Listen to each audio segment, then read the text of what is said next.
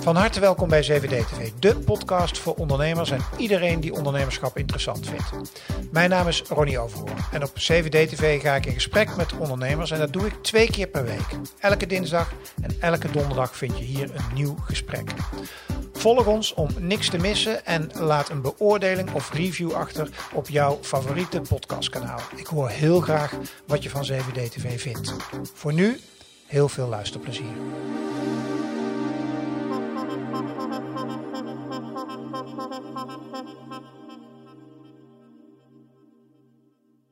Hoe lukt het je om uh, multimiljonair te worden, uh, daarna uh, failliet te gaan en dan toch, zo gelukkig als dat ik hier nu zit, in de bank te zitten? Dat vertel ik je in deze video. Welkom bij 7D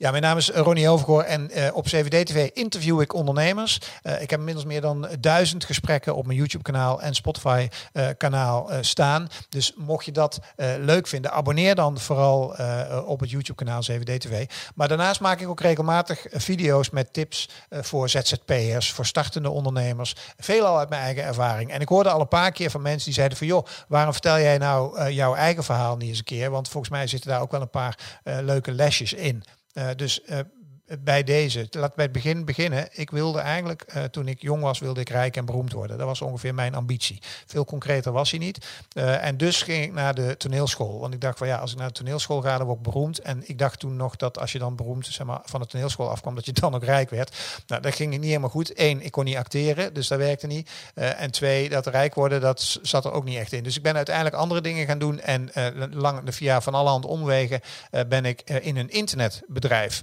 beland. En dat was in die good old days dat het internet opkwam in Nederland en het geld klotste tegen de plinten omhoog. En we groeiden als kool, hadden op een gegeven moment meer dan 80 man in dienst. Uh, en uh, op dat moment kwamen er investeerders aan boord. Die wilden instappen en dat deden ze ook.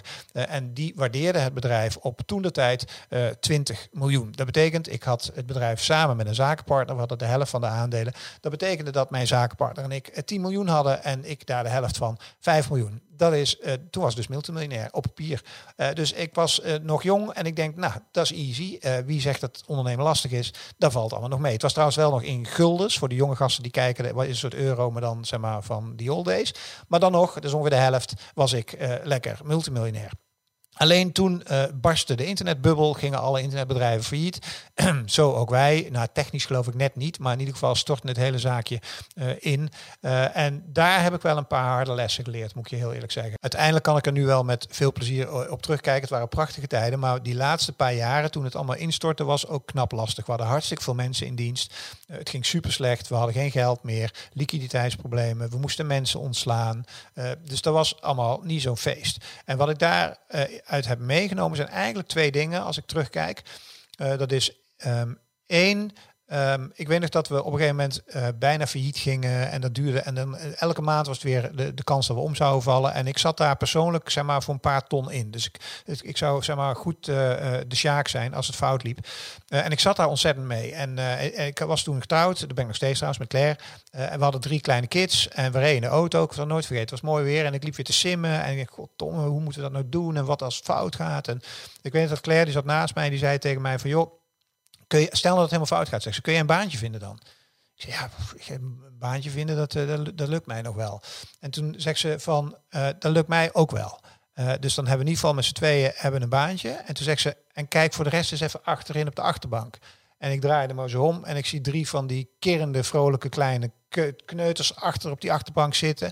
Drie zonen hebben we en die waren toen nog heel klein. En die hadden lol en die zaten op de achterbank laten te kletsen en te doen. Oftewel, toen keek ze me aan en toen zei ze, waar maken we ons dus druk om? Uh, en dus wat ik geleerd heb door die heftige ervaring als ondernemer toen, en dat bijna faillissement, dat is dat ik me niet zoveel meer druk maak over bijvoorbeeld geld en of er wel genoeg geld is. Want uiteindelijk, en het is een fucking cliché, maar uiteindelijk draait het in het leven niet om geld, maar draait het in mijn geval om Kleertje en om mijn drie kinderen. Uh, en als die gelukkig zijn, dan ben ik het ook. En dat heb ik geleerd uit die ervaring. En het tweede wat ik geleerd heb, dat is dat die laatste paar jaar dreef ik op negatieve energie. Uh, het was één bak ellende. We hadden met banken te maken en die wilden onze salaris niet meer betalen. En we moesten mensen ontslaan en een geldtekort. En het was alleen maar negatieve energie. En dan kan je één ding vertellen, negatieve energie, daar loop je op leeg. En of je nou, uh, of je nou burn-out noemt of whatever, maar daar loop je gegarandeerd op leeg. Um, en ik heb geleerd na die periode dat ik een soort, uh, zeg maar, soort uh, sensortje nu heb. Dat als er dingen gebeuren in mijn leven die negatieve energie opwekken bij mij, dan zorg ik dat ik die dingen elimineer. En of mij dat nou geld kost of weet ik veel wat, ik zorg dat ik het oplos en ik doe niet zoveel meer met negatieve energie. Want het is slopend. Dus dat zijn in ieder geval twee belangrijke, noem het levenslessen of ondernemerslessen die ik uit die periode uh, heb meegenomen. Nou, na die internetperiode ben ik gewoon gaan werken. Ik denk, ja, laat ik eens gewoon wat doen voor de kost. Uh, en toen ben ik zo langzamerhand op een podium uh, beland. En dat was nogal toeval, want ik wil natuurlijk altijd rijk en beroemd worden. Dus die zucht naar het podium, die was er altijd. Um, en het was, ik denk 2005 of zo, dat een uitgever op mij afkwam. En die zei, joh, ik heb een congres. Jij komt uit die internetwereld, het is een e-mail marketing congres. en wil jij geen dagvoorzitter zijn? Want jij lult makkelijk, je kent die wereld. En dus zei, joh, als jij mij uitlegt wat een dagvoorzitter is, uh, dan uh, wil ik dat wel doen. Nou, dus die legde dat uit van, nou, dus iemand die de dag aan elkaar kletst en uh, bla bla bla. En ik doe dat en ik zou je vertellen, jongens, dat was mijn momentum. En vrij laat, ik bedoel, ik ben een laadbloeier. Maar in één keer stond ik daar. Ik denk, fuck, dit is mijn podium. Dit is mijn theater.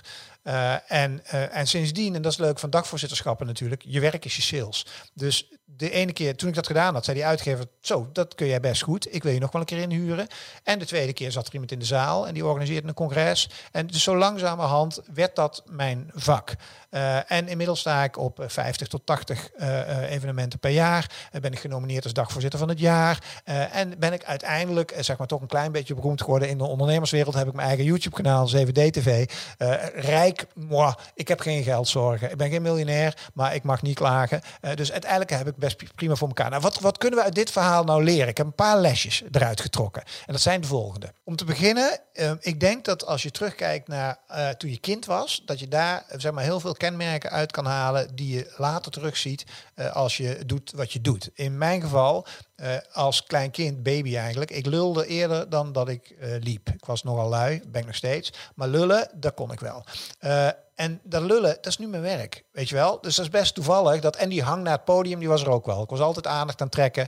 Uh, en vanaf de middelbare school stond ik ook al op de podium. En ik was degene die Sinterklaas moest spelen op de middelbare school. Dus als ik terugkijk naar toen ik jong was, zeg maar, zaten er eigenlijk de ingrediënten al in. Die er uiteindelijk, vrij laat, wel zijn uitgekomen. Dus misschien is dat wel een goede tip als je zit te kijken en denkt, oh tering, ik weet eigenlijk niet zo goed wat ik wil. Kijk eens terug naar toen je een klein ukkie was. Uh, wat je toen deed en wat je toen tof vond. En waar je toen in uitblonk. En uh, dat zou wel eens een aantal ingrediënten te kunnen bevatten uh, die jou kunnen helpen bij het invullen van wat je nu wil gaan doen. Het tweede is, en uh, ik heb uh, uiteindelijk voordat ik dat internetbedrijf had, heb ik twee keer een baan gehad. ik ben uiteindelijk ben ik afgestudeerd, ben ik bij een mediabedrijf in Hilversum begonnen en daarna nog een baan gehad.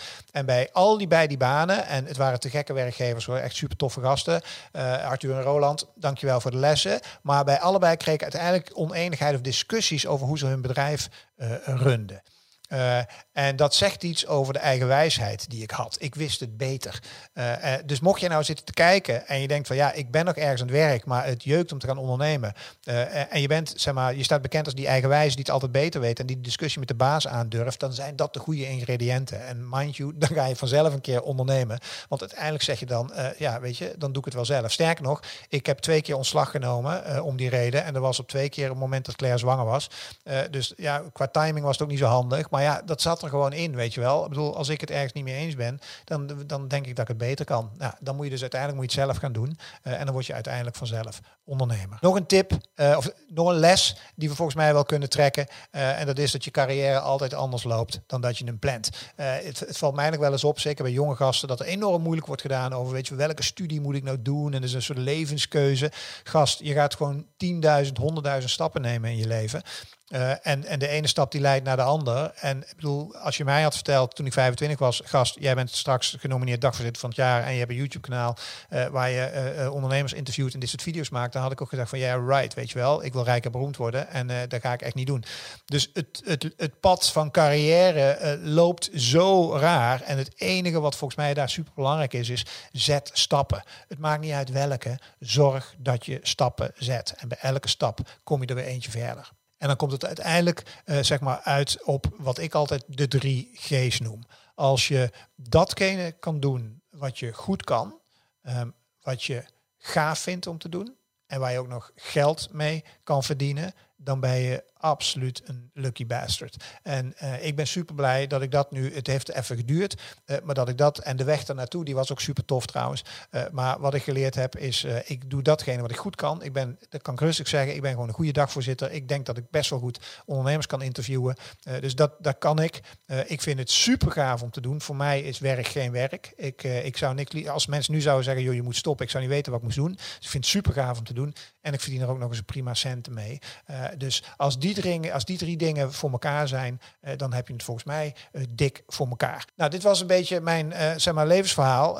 zij niet compleet hoor, maar in ieder geval met wat ingrediënten erin waarvan ik hoop dat je daar wat aan hebt gehad. Kijk voor de rest ook vooral naar de andere ondernemersverhalen hier op CVD-TV. Er staan er meer dan duizend op, dus abonneer je hier onderin kun je dat doen. elke week twee nieuwe gesprekken. Voor nu dankjewel voor het kijken en laat me weten wat je van mijn verhaal vond onder in de comments. Dankjewel. Hoi. Dankjewel voor het luisteren naar deze podcast. Vond je het nou een leuk gesprek? Laat dan je beoordeling of review achter. En weet dat CVD-TV heel graag samenwerkt met ondernemers en bedrijven om mooie gesprekken te maken over ondernemerschap in de volle breedte. Wil je daar nou meer over weten? Kijk dan op www.partner7dtv.nl. En als laatste, vind je de podcast leuk, maar wil je heel graag de gezichten erbij zien? Weet dan dat CVD TV ook als YouTube-kanaal beschikbaar is. Dankjewel voor het luisteren.